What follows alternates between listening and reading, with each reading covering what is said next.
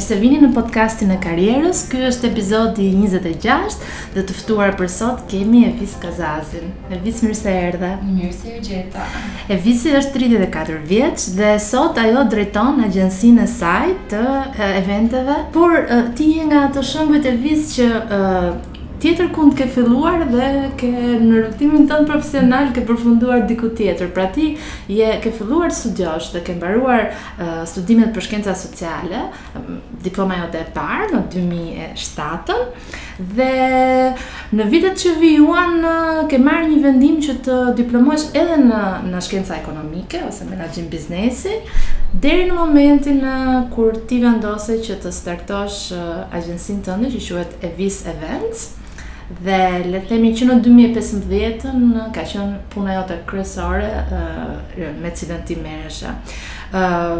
Shumë interesante është fakti që ti vjen nga një familje qëndistarësh, prej katër brezash dhe ndoshta je rritur me këtë frymën e e artit, por jam kurioze të di si vendose në radhë të parë për të vazhduar studimet për shkencat sociale, që ishte vendimi yt i parë kur mbarove gjimnazin.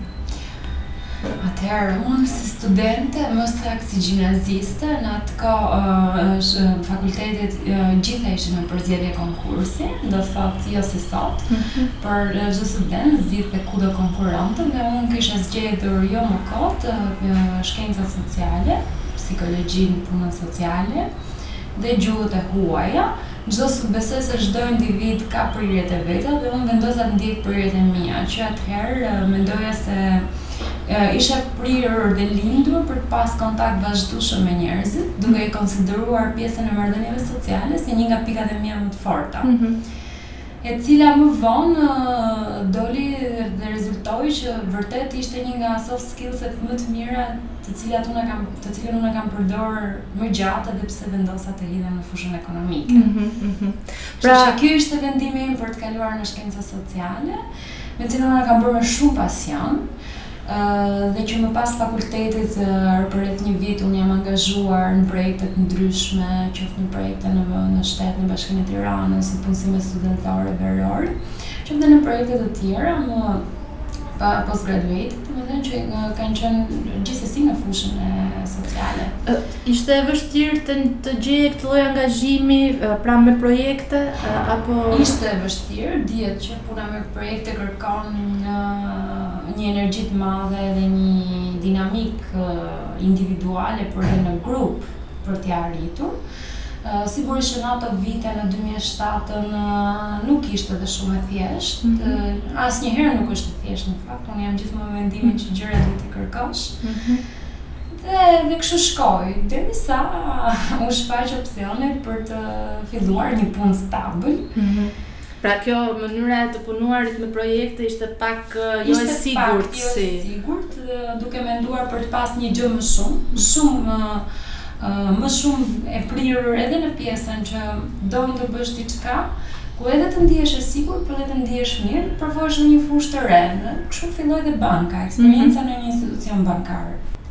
Në vitet dy mijë e katër deri në vitet, më saktë nga vitet dy mijë dhe deri në vitin dy mijë e dhjetë, Shqipëria ka pasur një lloj prirje ekonomike dhe ndërmarrjet e huaja në Shqipëri lulëzonin në ato vite, derisa u shfaq kriza dhe kështu që unë vendosa që të filloj punë në Tirana Bank, sigurisht bëra intervistën dhe fillova dhe ashtu filloi rrugëtimi im në këtë institucion financiar që mm. zgjati pothuajse 7 vite deri në 2015. Në mes të dy mijë e pesëmbëdhjetës, pastaj u shkëputa. Ndërkohë që punoja në Tirana Bank, egoja ime profesionale nuk mund të ndalej. nuk mendoja që ishte ok vetëm shkollimi në shkenca sociale dhe mendova të futem për të filloj në Universitetin e Ekonomisë, Universitetin e Tiranës, degën biznes.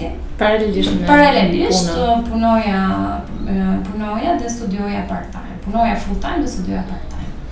Si e përballove këtë periudhë se duhet të ketë qenë shumë intensive? Kjo ka qenë, kjo ka qenë periudhë shumë intensive, aq më tepër që unë përgjatë gjithë periudhës së shkollës, të punës dhe të shkollës, isha në një aktivitet të lartë social, pra nuk lija dhe fushën time, mm -hmm. domethënë mundohesha me aktivitete të ndryshme, qoftë në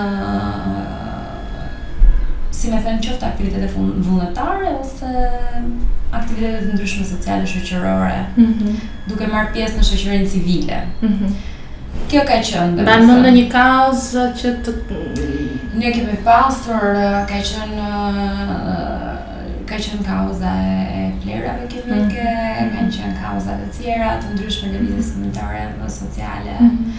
Edhe një çik mendoj se uh, social awareness, domethënë tamam social awareness. Vetëdija, vetëdija sociale duhet të vijë personale. Kjo ishte një Kjo ishte një nga parimet që mua më udhëhiqte vazhdimisht dhe vetëdija sociale nuk është Nuk është ai tip parë që të bën ty të përfshihesh në në kauza të mëdhaja. Me vetëdijen sociale mund ta gjesh çdo ditë tek vetja jote, edhe tek pjesa që ti mund të ndihmosh njerëz që kanë nevojë, t'u japësh një dorë, t'ia dalin. Dhe mua kjo më ka udhëhequr gjithmonë, paçka se Si t'u duk kjo nuk kjo nuk hyn në fushën e financave. Eksakt, se këtë dua të pyesja që dhe Kjo përplasje le të themi midis dy botëve, asaj sociale dhe, dhe asaj, asaj ekonomike, ekonomike mirëfilli financiar ose siç është sektori bankar.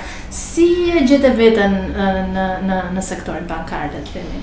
Këto shtatë. Le të themi që në sektorin bankar shtatë vite ka qenë një eksperiencë shumë e mirë, personale, mm. profesionale madje, sepse se duke punuar në sektorë të ndryshëm të bankës, unë kam punuar në katër sektorë të mhm. ndryshëm, mm -hmm. secili krejtësisht i ndryshëm nga tjetri, mm -hmm. kjo uh, ka bërë tek unë një individ më, më të përgatitur. Pra, uh, ti fillove... më ka bërë një individ më të përgatitur ekonomikisht, domethënë në, në sensin që në fushën e ekonomisë, menaxhimi i burimeve, menaxhimi i fondeve, menaxhimi i resurseve ose burimeve siç e lartpërmenda, është shumë e rëndësishëm, qoftë edhe për një individ në mhm. jetën e vet personale, është shumë e mhm. rëndësishme të dish menaxhosh burime. Mhm. Tani që je shumë në biznes, Po sigurisht që këto të dyja shkojnë bashkë sepse banka është një fushë shërbimi, kur po mos kesh pjesën sociale, Pjesa ekonomike është e pamundur. Për më tepër, banka është një institucion ku punohet në grup, që do të thotë që ti në qoftë se nuk je një individ që bashkëpunon me gjithë të tjerët, me hallkat e tjera, puna jote do të pengohet. Nuk është e thjeshtë ta vazhdosh. Kështu që ka shumë komponentë që lidhen me njëri-tjetrin. Fushat duken sikur janë të ndryshme, por mendoj se janë. Që fusha që ndërlidhen dhe shkojnë shumë mirë me njëra tjetrën. Fusha... Pra, vlen për t'u theksuar që ti pati një rritje graduale në në bank për sa i përket. Unë pata një rritje graduale që nga 2008 deri në 2015. Nga fillove në customer service. Unë kam filluar në customer service. Uh, ishte customer service online që ne punonim me turne dhe puna ishte shumë e vështirë mm. sepse për një vajzë të re 24-25 vjeç Në atë kohë nuk ekzistonin shumë punët me turne. Ishte më e vështirë akoma. Mm -hmm. Megjithatë unë e mora si një sfidë në vetvete për t'ia dalë edhe në një fushë tjetër, sepse njeriu gjatë jetës mund të hasi shumë vështirësi, nuk do të thotë gjë që duhet të kapesh pas një profesioni. Mm -hmm. Rëndësishme është t'i bësh gjërat me zemër. Mm -hmm. Qoftë se i bën me zemër, me dëshirë, Dhe me pasion nuk ngel kurrë. Ti kurrë nuk mund ta lësh rrugën tënde, do ta vazhdosh. Kështu që fillova nga kjo, vazhdova në një departament tjetër, ishte sektor shitjesh, pastaj kam kaluar në departamentin e klientëve vip dhe pastaj u përmbylla në degë, doja një eksperiencë bazike, duke qenë në degë takon shumë njerëz. Ç'do të thotë të punosh në degë? për ata që se njohin. Në degë do të thotë të punosh në një nga filialet që që ti u shërben klientëve nga më të thjeshtë dhe deri te klientët vip, por kjo të mban shumë afër me bazën. Sigurisht që përveç aftësive teknike që për mua janë diçka tjetër, edhe aftësitë sociale mbahen më shumë në kontakt, duke qenë në kontakt me njerëzit. Dhe eksperienca rritet sepse në degë je shumë afër me biznesin, edhe fillon dhe mendon më shumë pjesën e biznesit se sa që mendon duke qenë në administratë. I pra, prek, ta... i prekshmërisht aty. Dhe merr mjaftueshëm informacion që të kuptosh si funksionon. Si funksionon dhe... Jeta është e gjitha e ndërtuar me eksperienca. Asgjë nuk mësohet vetëm në shkollë. Mm. Gjithçka ndërtohet dalëngadalë si puzzle mm. gjithë jetës. Prandaj njerëzit që rrojnë dhe mësojnë, mm. janë të destinuar të ecin, mm -hmm. ndryshe mm -hmm. nga, nga disa të tjerë që mundohen dhe nëse mjaftohen me atë që mësojnë si fillim. Mm -hmm. Shumë e vërtetë. Pra, ndërkohë që ti po filloje dhe të ndoshta po përfundoje diplomën tënde të, të, të, të dytë, ë po. Fillon dhe lindin idetë e para. Fillon dhe lind dhe viste vend. Fillon dhe lind dëshira për të. Në 2010-ën, në fund të 2010-ës jam regjistruar në Fakultetin Ekonomik, në 2013 në mars më lind ideja Pra nga momenti që ti vendos se dua të hap diçka timen, deri në momentin që konceptove vise vend. Zgjatën 3 muaj të tjerë. 3 muaj. Përse gjatë këtyre 3 muajve ti iu afrove këtij lloj zhanri të bërit biznes ose këtij Pse kësaj? ë Pse kësaj dhe si kësaj? ë Pse kësaj? Sepse në familjen time, siç edhe e përmenda, ë një unë jam rritur midis gjërave të bukura, artistike, të punimeve të tim eti dhe të sime ëme, të tim gjyshi dhe të stërgjyshit, në katër breza në familjen tonë, Kazazi e Rrebara që është mbiemër i vjetër, Në katër breza në familjen tonë janë punuar me dorë, qëndisje, kostume kombëtare, paja nusesh, sepse në atë kohë ka qenë tradita e pajave, është dhe sot, është traditë shqiptare ballkanase. Ë dhe në në shtëpinë, në shtëpinë tonë, në familjen tonë ka qenë gjithmonë tradita e të punuarit me dorë, domethënë e vizatimeve, qëndisjeve, fillit, të arit, të mëndafshit, të kadifes, e pëlhurave të bukura e dizajneve e feshënit në mënyrën e vet që është tradicionale dhe është një nga profesionet më të vjetra në Shqipëri që është kostumografia ose etnografia dihet që Shqipëria ka pasurinë një nga vendet me pasurinë më të madhe etnografike në rajon dhe në botë mm. në asnjë vend tjetër në 28.000 km katrorë nuk gjen kaq shumë larmishmëri kostumesh mm. të cilën e gjen në Shqipëri unë u rrita me këtë dhe thashë dua të bëj një gjë Që të më përshtatej me llojin e punës që bën familja, domethënë mm -hmm. me biznesin që gjatë kishin prindrit. Mm -hmm. Le të quhet biznes, është artizanat, nuk është biznes. Uh, me dëshirën time për të qenë në kontakt me njerëzit, mm -hmm. gjithmonë kontakt me njerëzit, dhe me pasionin e madh për të për të krijuar një gjë të bukur, një traditë të bukur, ndryshe nga ç'ishte parë, në lidhje me eventet. Mhm. Si me thënë, kjo shkëndija e eventeve më kishte ardhur si një si një prirje personale, pa qenë e lidhur relativisht me një gjë të caktuar, por një prirje personale e lidhur më shumë me këto prirje të anës së përqark të familjes dhe të shoqërisë. Mhm. Dhe kështu që mendova, ok, do futem në fushën e eventeve, po çfarë do bëj? Mhm. Pse pse unë në krahasim me dhjetë kompani të tjera që në ato vite ekzistonin. pesë, gjashtë, po themi. Mm. Thash, ok, duhet... Sot janë shumë më shumë. Sot janë mund të jenë rreth 15 kompani minimalisht që dihen që janë kompani që të paktën kanë një emër dhe një mm. lloj uh, reputacion. Mm -hmm. Pastaj ka edhe të vogla, s' mund t'i dim sepse një pjesë mund të jenë informale.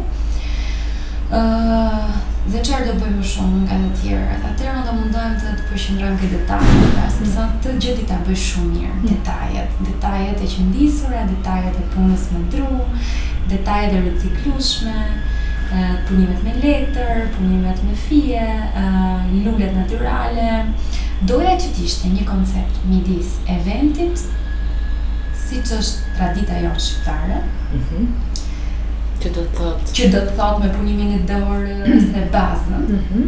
me finesën, me elegancën, me atë elegancën e bukur dhe me hijeshinë e bukur që jep mhm. tradita jonë. Mm -hmm. E ndërthurur me finesën që përdor bota, Europa, apo qoftë dhe Amerika, mm -hmm. pa ekzagjerime, mm -hmm.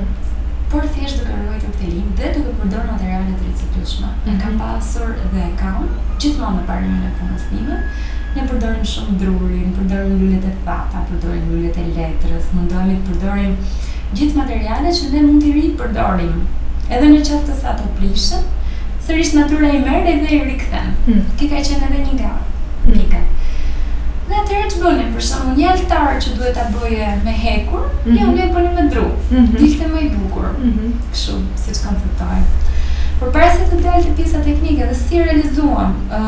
Si e nisëm së fundmi ishte kjo, si e realizuam. Do e s'do, një vajzë e re në moshën njëzet e nëntë, s'i kisha mbush tridhjetë n'atë kohë, sa do mbushja tridhjetë në maj, në mars unë kisha vënë të dytë, nuk është se mund të ketë një fond të madh për ta bërë këtë gjë, madje nuk ka asnjë fond, aq më shumë një vajzë që ka investuar edhe te shkollimi i vet.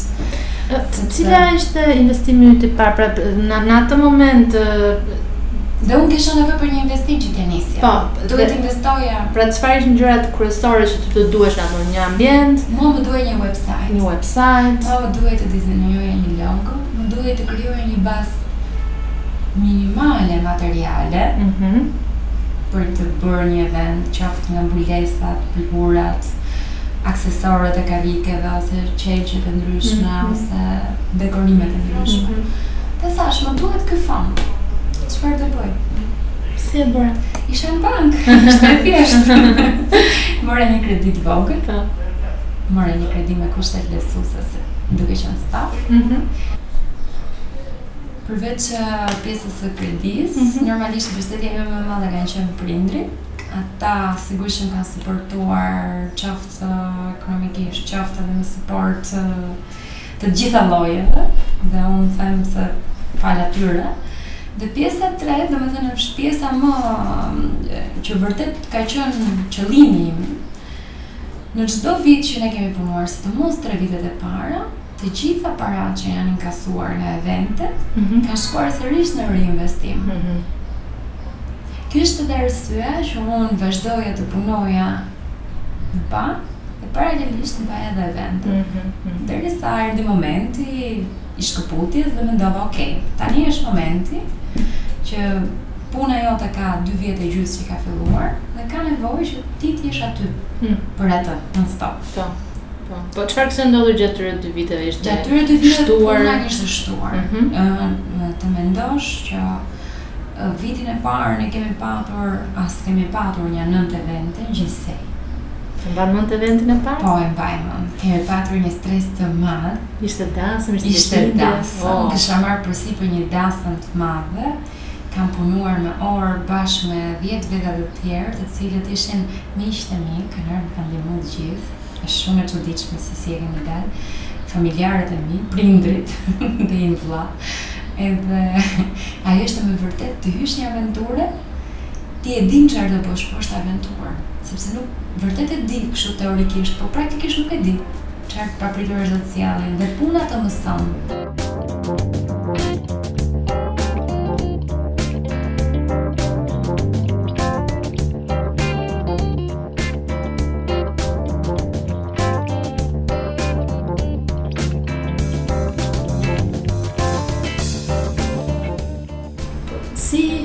ishin ato hapat e parë në sensin si u lidhët me klientë, ku gjetët klientë? Si ku gjeta materialet? Ku gjeta materialet? Materialet, si mësova të bëj një dekor? Çë uh, unë kam qenë një autodidakte e shkëlqyer gjithmonë. Mhm. Mm dhe ajo që bëja është kam parë video pa fund online, shikoja në youtube, shikoja nëpër rrjete sociale si realizohen lule, si realizohen dekore, duke parë foto. U shkëputa një javë, gjeta një mundësi në Athinë, Athina duke qenë Greqia një vend me shumë kulturë në pjesën e eventeve, ata sigurisht kanë edhe teknologjitë edhe mundësitë për t'i bërë shumë mirë, u shkëputa, gjeta një kontakt në Athinë dhe atje shkoj për herë të parë mm -hmm. te Taso, mm -hmm. Taso quhej personi që kishte e ndërmarrë këtë si lloj workshopi mm -hmm. për dekoruesit e rinj. Mm -hmm. Dhe ishte Taso, e një që unë e kujtoj është një burrë mesoburrë, mm -hmm. me mustaqe, i cili uh, më mësoi se Si mund të hedh hapat e parë në fushën e dekorit? Ai është një profesionist shumë i mirë dhe i vjetër, prej shumë vitesh punonte në këtë fushë. Si të përzgjedh një mes tavoline, si të përzgjedh një vazo të përshtatshme, kush janë parametrat, kush janë ngjyrat që funksionojnë, pra një trajnim i mirëfilltë, edhe pse për një kohë të shkurtër, i të gjitha pointeve, i të gjitha pikave të rëndësishme, bazike, për një dekorim evenimenti. Mm -hmm. Më pas, Po, që të bëj një pyetje tani ti në fillim ishe vetëm ti apo jo? Po, në fillim isha vetëm unë. Dhe dhe gjithë stafi që të duhej për për të ngritur në këmbë një dekor, ishin miqtë e tu. Ishin miqtë e mi, ishin prindërit e mi dhe familja ime. Po. Ë, siç ndodh shpesh në në hapat e para po, të të gjithë në startup japin një dorë. Po, ti sot sa sa njerëz ke që që me të cilët sot përveç uh, meje, ë uh, ne jemi me staf part time, mm -hmm. që do të mhm. thotë jemi pothuaj 10 veta që mhm. punojmë me këtë. ë uh, të gjithë janë këtu prej të paktën 3 vitesh, domethënë uh, stafin. Jemi rritur bashkë. Jemi rritur bashkë, stafi janë studentë, sigurisht unë kam marrë trajnimet e mia, kam shkuar më pas dhe për trajnime të tjera në Itali, në Greqi, në vende që organizojnë në Holandë madje për trajnime të ndryshme dhe gjithë trajnimet që unë kam marrë ia kam përcjellë atyre, mm -hmm. duke parë sigurisht edhe talentin që mund të kenë secili, stafi janë shumica studentë, mm -hmm. bëjnë për pasion, e bëjnë në periudhën e verës, Më nëntëdhjetë për qind janë studentë dhe vetëm pak dy tre veta, dy veta më saktë, dy persona, dy nga njerëzit me të cilat punoj janë në moshë më e madhe, që sigurisht dhe ata janë besnikë dhe shumë të përkushtuar në atë që bëjnë dhe ndjekin me shumë vëmendje të gjitha pikat e mia më të rëndësishme që janë detajet. Unë nuk do dal kurrë nga detajet, gjithmonë iua them dhe atyre. që mos dilni nga detajet, nëqoftëse doni me vërtet bëni një gjë të bukur bëni me dashuri dhe me detaje. Masive bëjnë të gjithë, ne bëjmë detaje. Sa kohë i kushton dhe pikërisht trajnimit dhe përgatitjes së tyre? Ata përgatiten çdo herë që unë fus një model të ri, ata çdo event, në qoftë se është i ri si eveniment, unë jam aty me ata tetë orë dhe ata mësojnë duke bërë, domethënë pregatiten përpara, marrin një shembull, një ditë përpara çdo eventi dhe pastaj ju qëndroj pranë për t'i asistuar në gjithë realizimin, në qoftë se është një model i ri. Në qoftë se modeli është i përsëritur, ata nuk kanë nevojë, sepse janë tashmë me eksperiencë, 3-4 vite punë. Gjithsesi ata çdo vit trajnohen. Të gjitha teknikat e reja që unë marr, i marr edhe ata. Sepse do ishte e pamundur të punoja vetëm me dy duar. Pikërisht.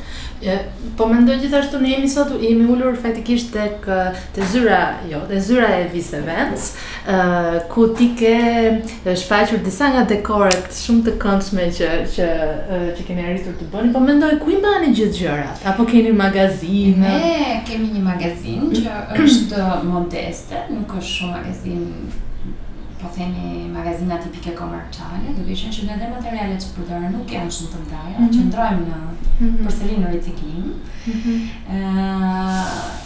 Kemi një magazinë e cila është pjesë e ambientit ku unë punoj, pranë pranë edhe shpisë time, duke qenë që ne kemi një shtëpi të madhe. Po. Edhe pra prindrit kanë menduar të ndihmojnë duke më lënë një pjesë të saj për ta përdorur për magazinimin, sepse këta janë materiale që zënë vend. Zënë vend. Zënë vend. Ma merr mendja dhe duhet të ketë dhe karrige dhe tavolina dhe këto. Karriget e tavolinat ne nuk nuk i kemi aty sepse i kemi në një magazinë tjetër bashkë me një stakeholder, një nga bashkëpunëtorët e mi. Okej. Unë punoj, unë e kam në parim punën të punoj me sa më shumë njerëz. Puna me njerëz të ndihmon të dalësh me një rezultat të mirë, të ndan përgjegjësitë dhe bën që totali të jetë i mirë, sepse vërtet fitimi mund të përqendrohet në një dorë, po kështu punojnë gjithë. Hmm. Është edhe sociale, social awareness, pra, po. mbaj një çik atë ritmin. po mirë, tani që i shikon këto tre vite që kanë kaluar, i kalon ndërmend. Tani është viti i katërt. I katërt. Mhm. Cilat janë ato pikat më të vështira, që ndoshta ka pasur momente që ti ndoshta dhe ke menduar mos ta vazhdosh atë që po bën, apo s'ka ndodhur kjo asnjëherë? Momente të vështira ka pasur shumë, sidomos të lidhura me vitin e parë të punës dhe të dytë. Nëse të mbahet mend të përmendësh momente të vështira, momente ku duke qenë edhe në kontakt me njerëz të ndryshëm, sepse njerëzit që bëjnë evente nuk janë të gjithë të të njëjtës lloj strese. Ka momente të vështira në komunikim, momente stresi, momente të vështira në komunikim me palët, me ambientet, me Në vendet ku ne zhvillojmë këto restorantet apo resortet ku ti ke të bësh me menaxher apo me palë të ndryshme që jo të gjithë kanë konceptin tat. Po. Dhe ti duhet përshtatesh edhe me njërën palë që ka bërë kërkesën, edhe me palën tjetër që do ekzekutojë. Që do ekzekutohet. Dhe është e vështirë. Ka pasur momente të vështira, plot. shquaj momente teknike ku më është dashur të kuptoj se si duhet punohet hekuri për të arritur idenë time dhe kemi bërë prova pa fund ata teknikët e hekurit që kanë punuar me mua të ndryshëm unë kam dy tre e dinë ata domethënë se sa e vështirë është të punosh kur e ke kur e ke personin përballë ai e ka në mendje por nuk ta tregon dot dhe duhet bësh prova me drurin, me lulen dhe çdo gjë kthehet në sfidë të përditshme për t'i arritur. Momente të vështira ekonomike, po, sepse m'është dashur të punoj, m'është dashur të punoj për të paguar kredinë dhe nga biznesi mos marr as edhe një lloj përfitimi, vetëm e vetëm për ta çuar përpara. Ama kurrë nuk kam thënë do dorëzohem. Nuk e kam thënë, e di pse? Sepse unë jam e parimit që gjërave i duhet dhënë kohë.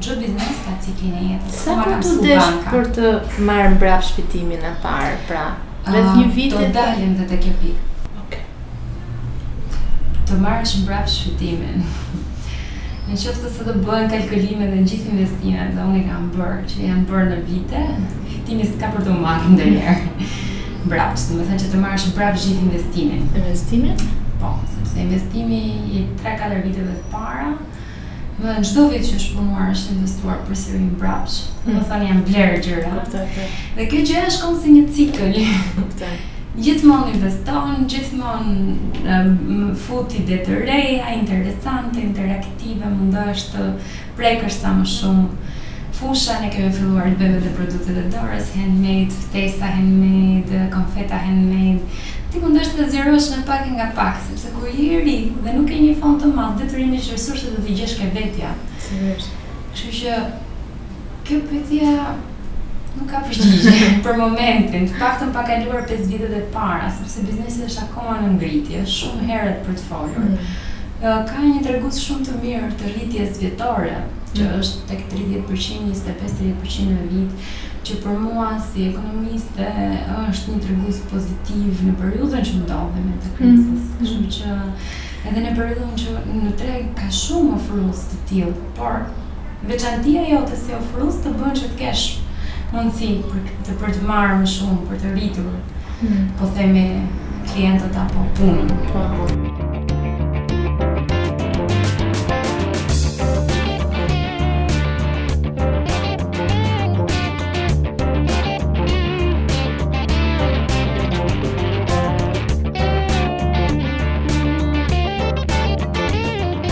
Si është një ditë e Visit sot?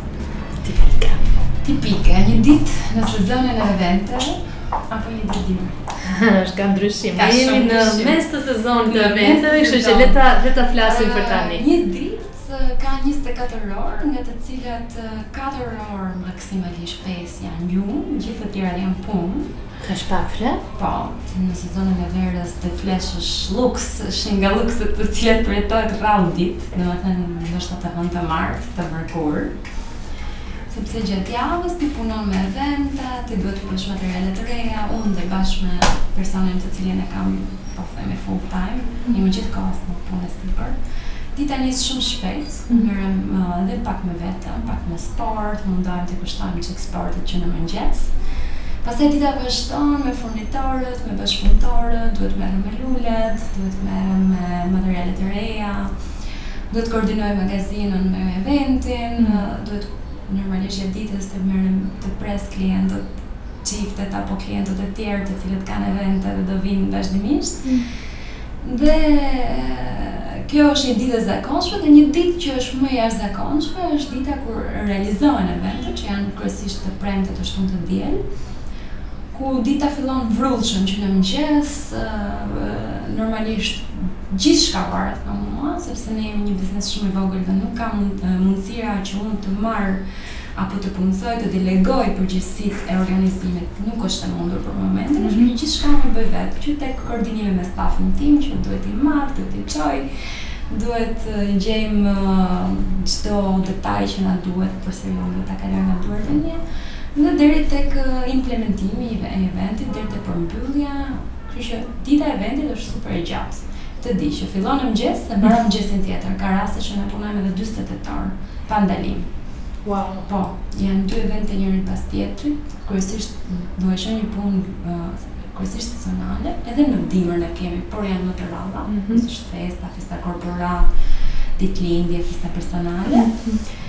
Vera që ka evente njëra pas tjetrës të shtunë të diel ose të premte shtunë të diel të qëllon që mund të jesh dyzet e tetë orë pa gjumë ndonjëherë edhe shtatë e dy orë nuk kështu që është një punë që kërkon shumë sakrificë kjo më bën të mos dorëzohem mm. mos ta lë sepse mm. gjithë kjo sakrificë të paktën duhet t'ia vlej si e sheh Vis Events në vitet në vijim Unë e projektoj si një kompani që do drejtohet shumë drejt shërbimit, jo vetëm drejt dekorit, jam munduar të fus shërbimin e organizimit, pra që klienti vjen dhe i kursejmë kohë, domethënë ia gjejmë të gjitha shërbimet e nevojshme, që nga videografia, fotografia, pra gjithë paketën, paketa e eventit, ideimi i eventit, pra si do jetë një event, ngjyrat që do përdoren, logot e ndryshme, kur për korporatat përdoren logo dhe konceptet. projektimi, pra dhe dizenjimi i të tërës, dhe pastaj tek pjesa dhe pastaj tek pjesa e realizimit të asaj që është konceptuar dhe ideuar. Pra unë e konceptoj që Visevent në të ardhmen do të orientohet shumë drejt shërbimit, siç është edhe orientimi botëror i tregut ekonomik drejt shërbimeve, e jo vetëm shitje, por shërbim. Prodhim sigurisht, mm -hmm. të vazhdojmë të qëndrojmë në traditë, nuk do largohemi nga tradita, mm -hmm. ka qenë dhe do jetë baza, no? Por do jetë një shërbim më komplet, pra agjencia duhet të jetë sa më komplete në mënyrë që t'i preki nga pak të gjitha fusha dhe pse jo të ketë jetë gjatë, aq sa do do jetë. po të paktën një jetë gjatë, të paktën mendoj se cikli i një kompanie, në qoftë se i kalon 10 vjet, quhet kompani jetëgjatë, 15 vjet e lart. Vis, zakonisht podcasti ynë targeton të rinj, që janë duke u integruar në tregun e punës ose kanë disa vite që punojnë, por edhe ata që janë duke ndjekur studimet dhe janë përballë vendimit të madh se çfarë do bëjnë me jetën e tyre. Ti çfarë do e këshilloje një të ri sot në në Shqipëri? Do e këshilloje që të tentonte të hapte diçka të vetën? Çfarë do këshilloja një të riu sot? E kam menduar dhe në fakt koinçidon me një mendim timin të këtyre ditëve, kohëve, ça do i këshilloja është të investojnë tek vetja, të mos reshtin se investuari tek vetja, asnjëherë nuk njafton një skill, shumë skille dhe sërish nuk njaftojnë.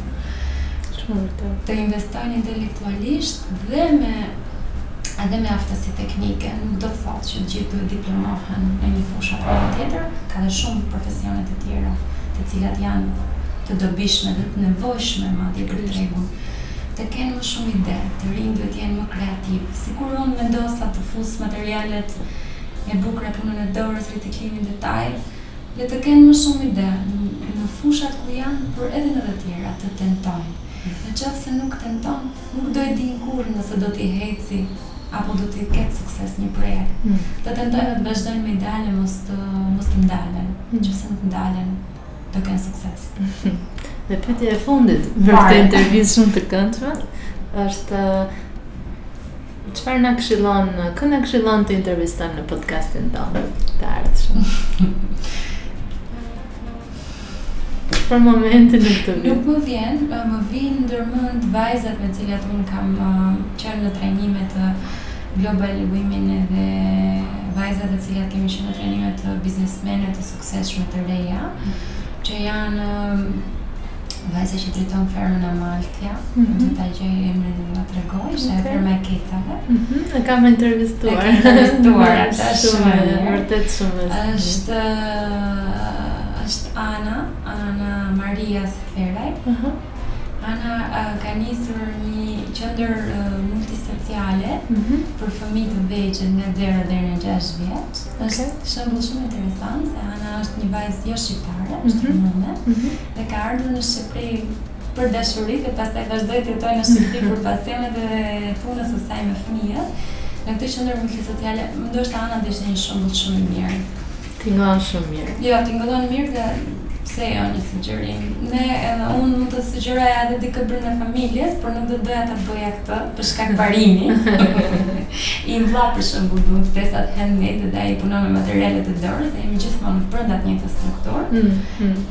Po që, Ana të themi është sugjerim shumë i mirë, një shembull për të ndjekur.